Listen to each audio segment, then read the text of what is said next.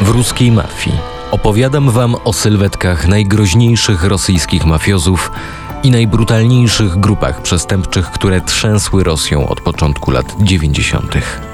Mafia rosyjska, która właśnie w tym czasie najbardziej się rozwijała, swoje fundamenty budowała na legendzie worów w zakonie. Jestem Maciek Jędruch i w tym odcinku ruskiej mafii opowiem wam o rzezimieszkach, mordercach, groźnych więźniach łagrów, którzy już w czasach stalinizmu rozpoczęli legendę rosyjskiego kryminalnego świata. Zapraszam. Ruska mafia, odcinek ósmy. Kształtowały ich sowieckie łagry i obozy karne. Skąd się wzięli wory w zakonie? Sekwencja pierwsza. Początek. W rosyjskiej sieci można znaleźć stronę internetową Prime Crime Muzeum Historii Warawskowa Mira, czyli Muzeum Historii Worowskiego Świata. Została tam opublikowana lista, na której widnieje niemal 7 tysięcy nazwisk worów w zakonie, z uwzględnieniem ich pseudonimów, daty urodzenia, śmierci, a nawet wyszczególniono daty, w których zostali koronowani, bo otrzymanie tytułu wora w zakonie określa się właśnie jako koronację. Historia worów sięga czasów carskich, ale została radykalnie przekształcona w stalinowskich gułagach między latami 30. a 50. XX wieku.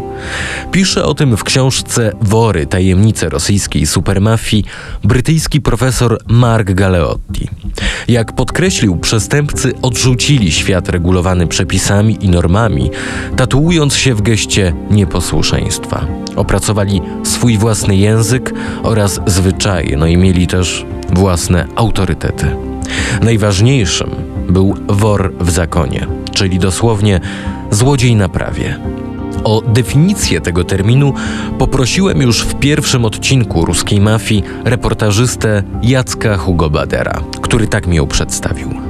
Wor w zakonie to jest po prostu wysokiej rangi przestępca pospolity, o tak bym powiedział, który być może rzeczywiście organizuje się na tyle dobrze, że ma wokół siebie bandę ludzi. Zaraz pod nim był ktoś taki, kto się nazywał autorytet, czyli autorytet po naszemu. W latach carskich i później radzieckich bardzo ściśle przestrzegano tych tytułów, żeby po prostu nikt się ich nie przywłaszczał i nie puszył się i nie używał bezpodstawnie. Na to sobie trzeba było ze swoim bandyckim życiorysem zapracować. Wor to jest po rosyjsku złodziej, a w zakonie to taki naprawie, jakby złodziej naprawie, czyli jakby ten taki, który strzeże tego złodziejskiego prawa, honoru.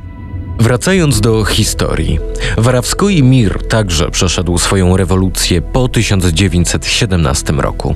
W swojej książce o Wielkiej Rewolucji Rosyjskiej słynny rosjoznawca Richard Pipes zauważył, że do bolszewików dołączali także, mówiąc ogólnie, właśnie tacy pospolici przestępcy, ale też często brutalni bandyci. Przykład tego zawarł w swojej książce Moskwa bez maski Joseph Dullier, belgijski dyplomata pracujący w Związku Radzieckim. W 1925 roku został aresztowany przez tamtejszą władzę i spędził 9 miesięcy w więzieniu, po czym został wyrzucony z kraju rad. W jednym z rozdziałów swojej książki zatytułowanym Co widziałem, słyszałem i przeżyłem w więzieniach GPU Dulie napisał, że w 1922 roku Ispolkom, czyli Komitet Wykonawczy w stanicy Nowoleuszkowskiej na południu Rosji, pracował ponoć pod kierownictwem niejakiego Ubikona. Przed rewolucją osławionego koniokrada, aresztowanego też za zgwałcenie dwunastoletniej siostry. Jego poprzednik na stanowisku należał do tego samego gangu złodziei koni.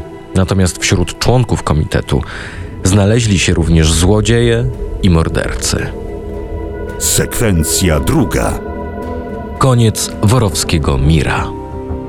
Worów miał pozbyć się Stalin. Na rosyjskim portalu lienta.ru trafiłem na artykuł z 2020 roku o tytule Kryminalny autorytet объяснил rol Stalina w likwidacji worów w zakonie czyli kryminalny autorytet wyjaśnił rolę Stalina w zlikwidowaniu worów w zakonie. Tym autorytetem był Taro Oniani, uważany za lidera grupy przestępczej z gruzińskiego miasta Kutaisi. Został oskarżony przez władze Hiszpanii o udział w grupie przestępczej i pranie brudnych pieniędzy. Wcześniej został w Rosji skazany na 10 lat więzienia o zaostrzonym rygorze za udział w porwaniu gruzińskiego biznesmena, którego w 2009 roku uprowadzono w Moskwie, by następnie zażądać 500 tysięcy dolarów okupu. Oniani zresztą miał także na pieńku z Wiaczesławem Iwańkowym, znanym pod pseudonimem Japończyk, co poruszyłem w odcinku ruskiej mafii jemu poświęconym. Wracając do artykułu na lienta.ru. 23 października 2019 roku Oniani został poddany ekstradycji z Rosji władzom Hiszpanii. Podczas jednej z rozpraw hiszpański prokurator nazwał Taro worem w zakonie. W odpowiedzi na to Oniani wygłosił przemówienie, prezentując historię rosyjskiej przestępczości. Stwierdził on bowiem, że kiedy między innymi Stalinowi udało się położyć kres carskiemu reżimowi, istnienie worów w zakonie straciło sens i teraz w ogóle ich nie ma. Można by się w pewnym, ale podkreślę niewielkim stopniu zgodzić, bo od lat 60. aż do rozpadu Związku Radzieckiego nie znalazłem wielu informacji dotyczących worów. Wiadomo jednak, jak zauważył w swojej książce Mark Galeotti, że w latach 70. i 80. zajmowali się pokątnie czarnym rynkiem, cinkciarstwem, zostawali często współpracownikami wysoko postawionych komunistycznych notabli. Kiedy Związek Radziecki zbliżał się już do kresu swojego istnienia, wory zbratali się z nową elitą.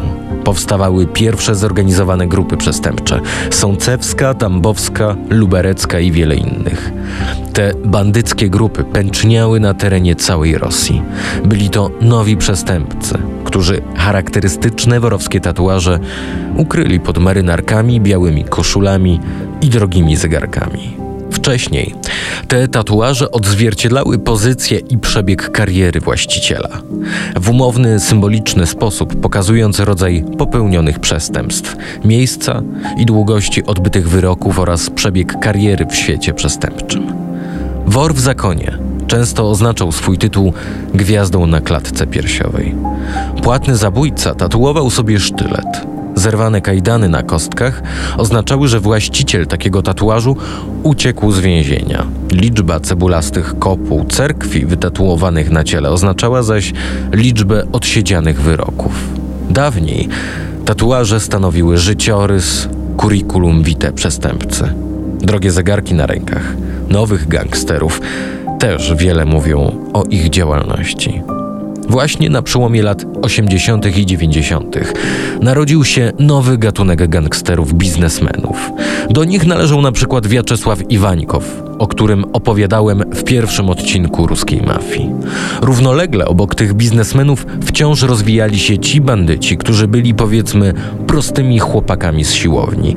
Przykładem takiego gangu jest choćby banda Kapusiu, która rabowała, zabijała nawet dzieci, gwałcąc tym samym zasady Ci pierwsi zarabiali ogromne pieniądze. W latach 90. do wzięcia było w Rosji wszystko za sprawą prywatyzacji. Nowi wory czerpali z tego pełnymi garściami, ale nie rezygnowali także z nielegalnych źródeł dochodów. Zmuszali ludzi do płacenia za ochronę, wyciągali haracze, współpracowali z politykami. Teraz współcześni rosyjscy przestępcy unikają często określenia wor, ignorując hierarchię i ograniczenia, które się z nim wiążą, co podkreślił Mark Galeotti. Nowi ojcowie chrzestni mogły się przedstawiać jako autorytety. Jednak należy pamiętać, że są spadkobiercami ducha, determinacji i bezwzględności worów w zakonie. Sekwencja trzecia. Współcześni wory. Prezydentura Borysa Jelcyna była dla gangsterów idealnym czasem na rozkręcenie biznesów. Mark Galeotti trafnie określił ten okres jako prowadzony na masową skalę eksperyment budowy państwa. Władzę de facto sprawowali oligarchowie, którzy często byli za pan brat z przestępczym światem.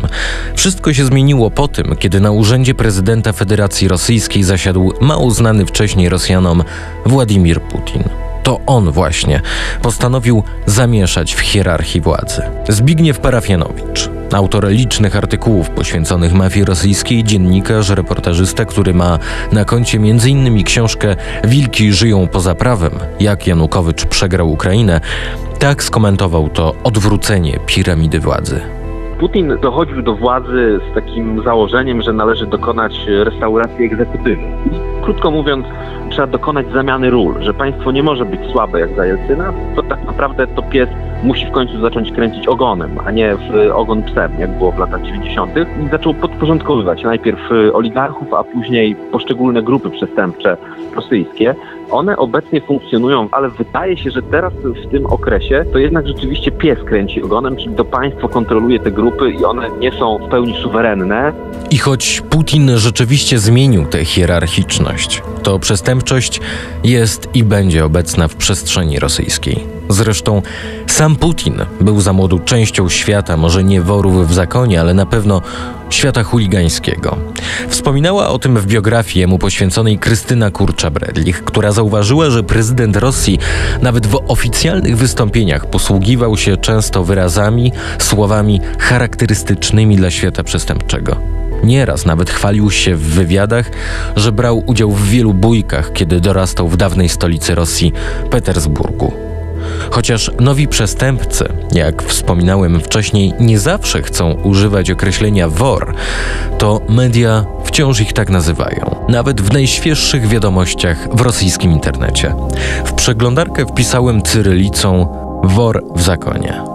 Wyświetlił mi się artykuł na wspomnianej przeze mnie na początku stronie Prime Crime o tytule W Польше предотвращено покушение na wora w zakonie, wystąpiwszy против лидера rosyjskiego kryminalitета, co oznacza w Polsce udaremniono zamach na wora w zakonie, który wystąpił przeciwko przywódcy rosyjskich gangsterów. Jest to artykuł z lipca tego roku. Jestem Maciek Jędruch i dziękuję, że śledziliście ze mną historię rosyjskiego przestępczego świata przez te wakacje. Do usłyszenia.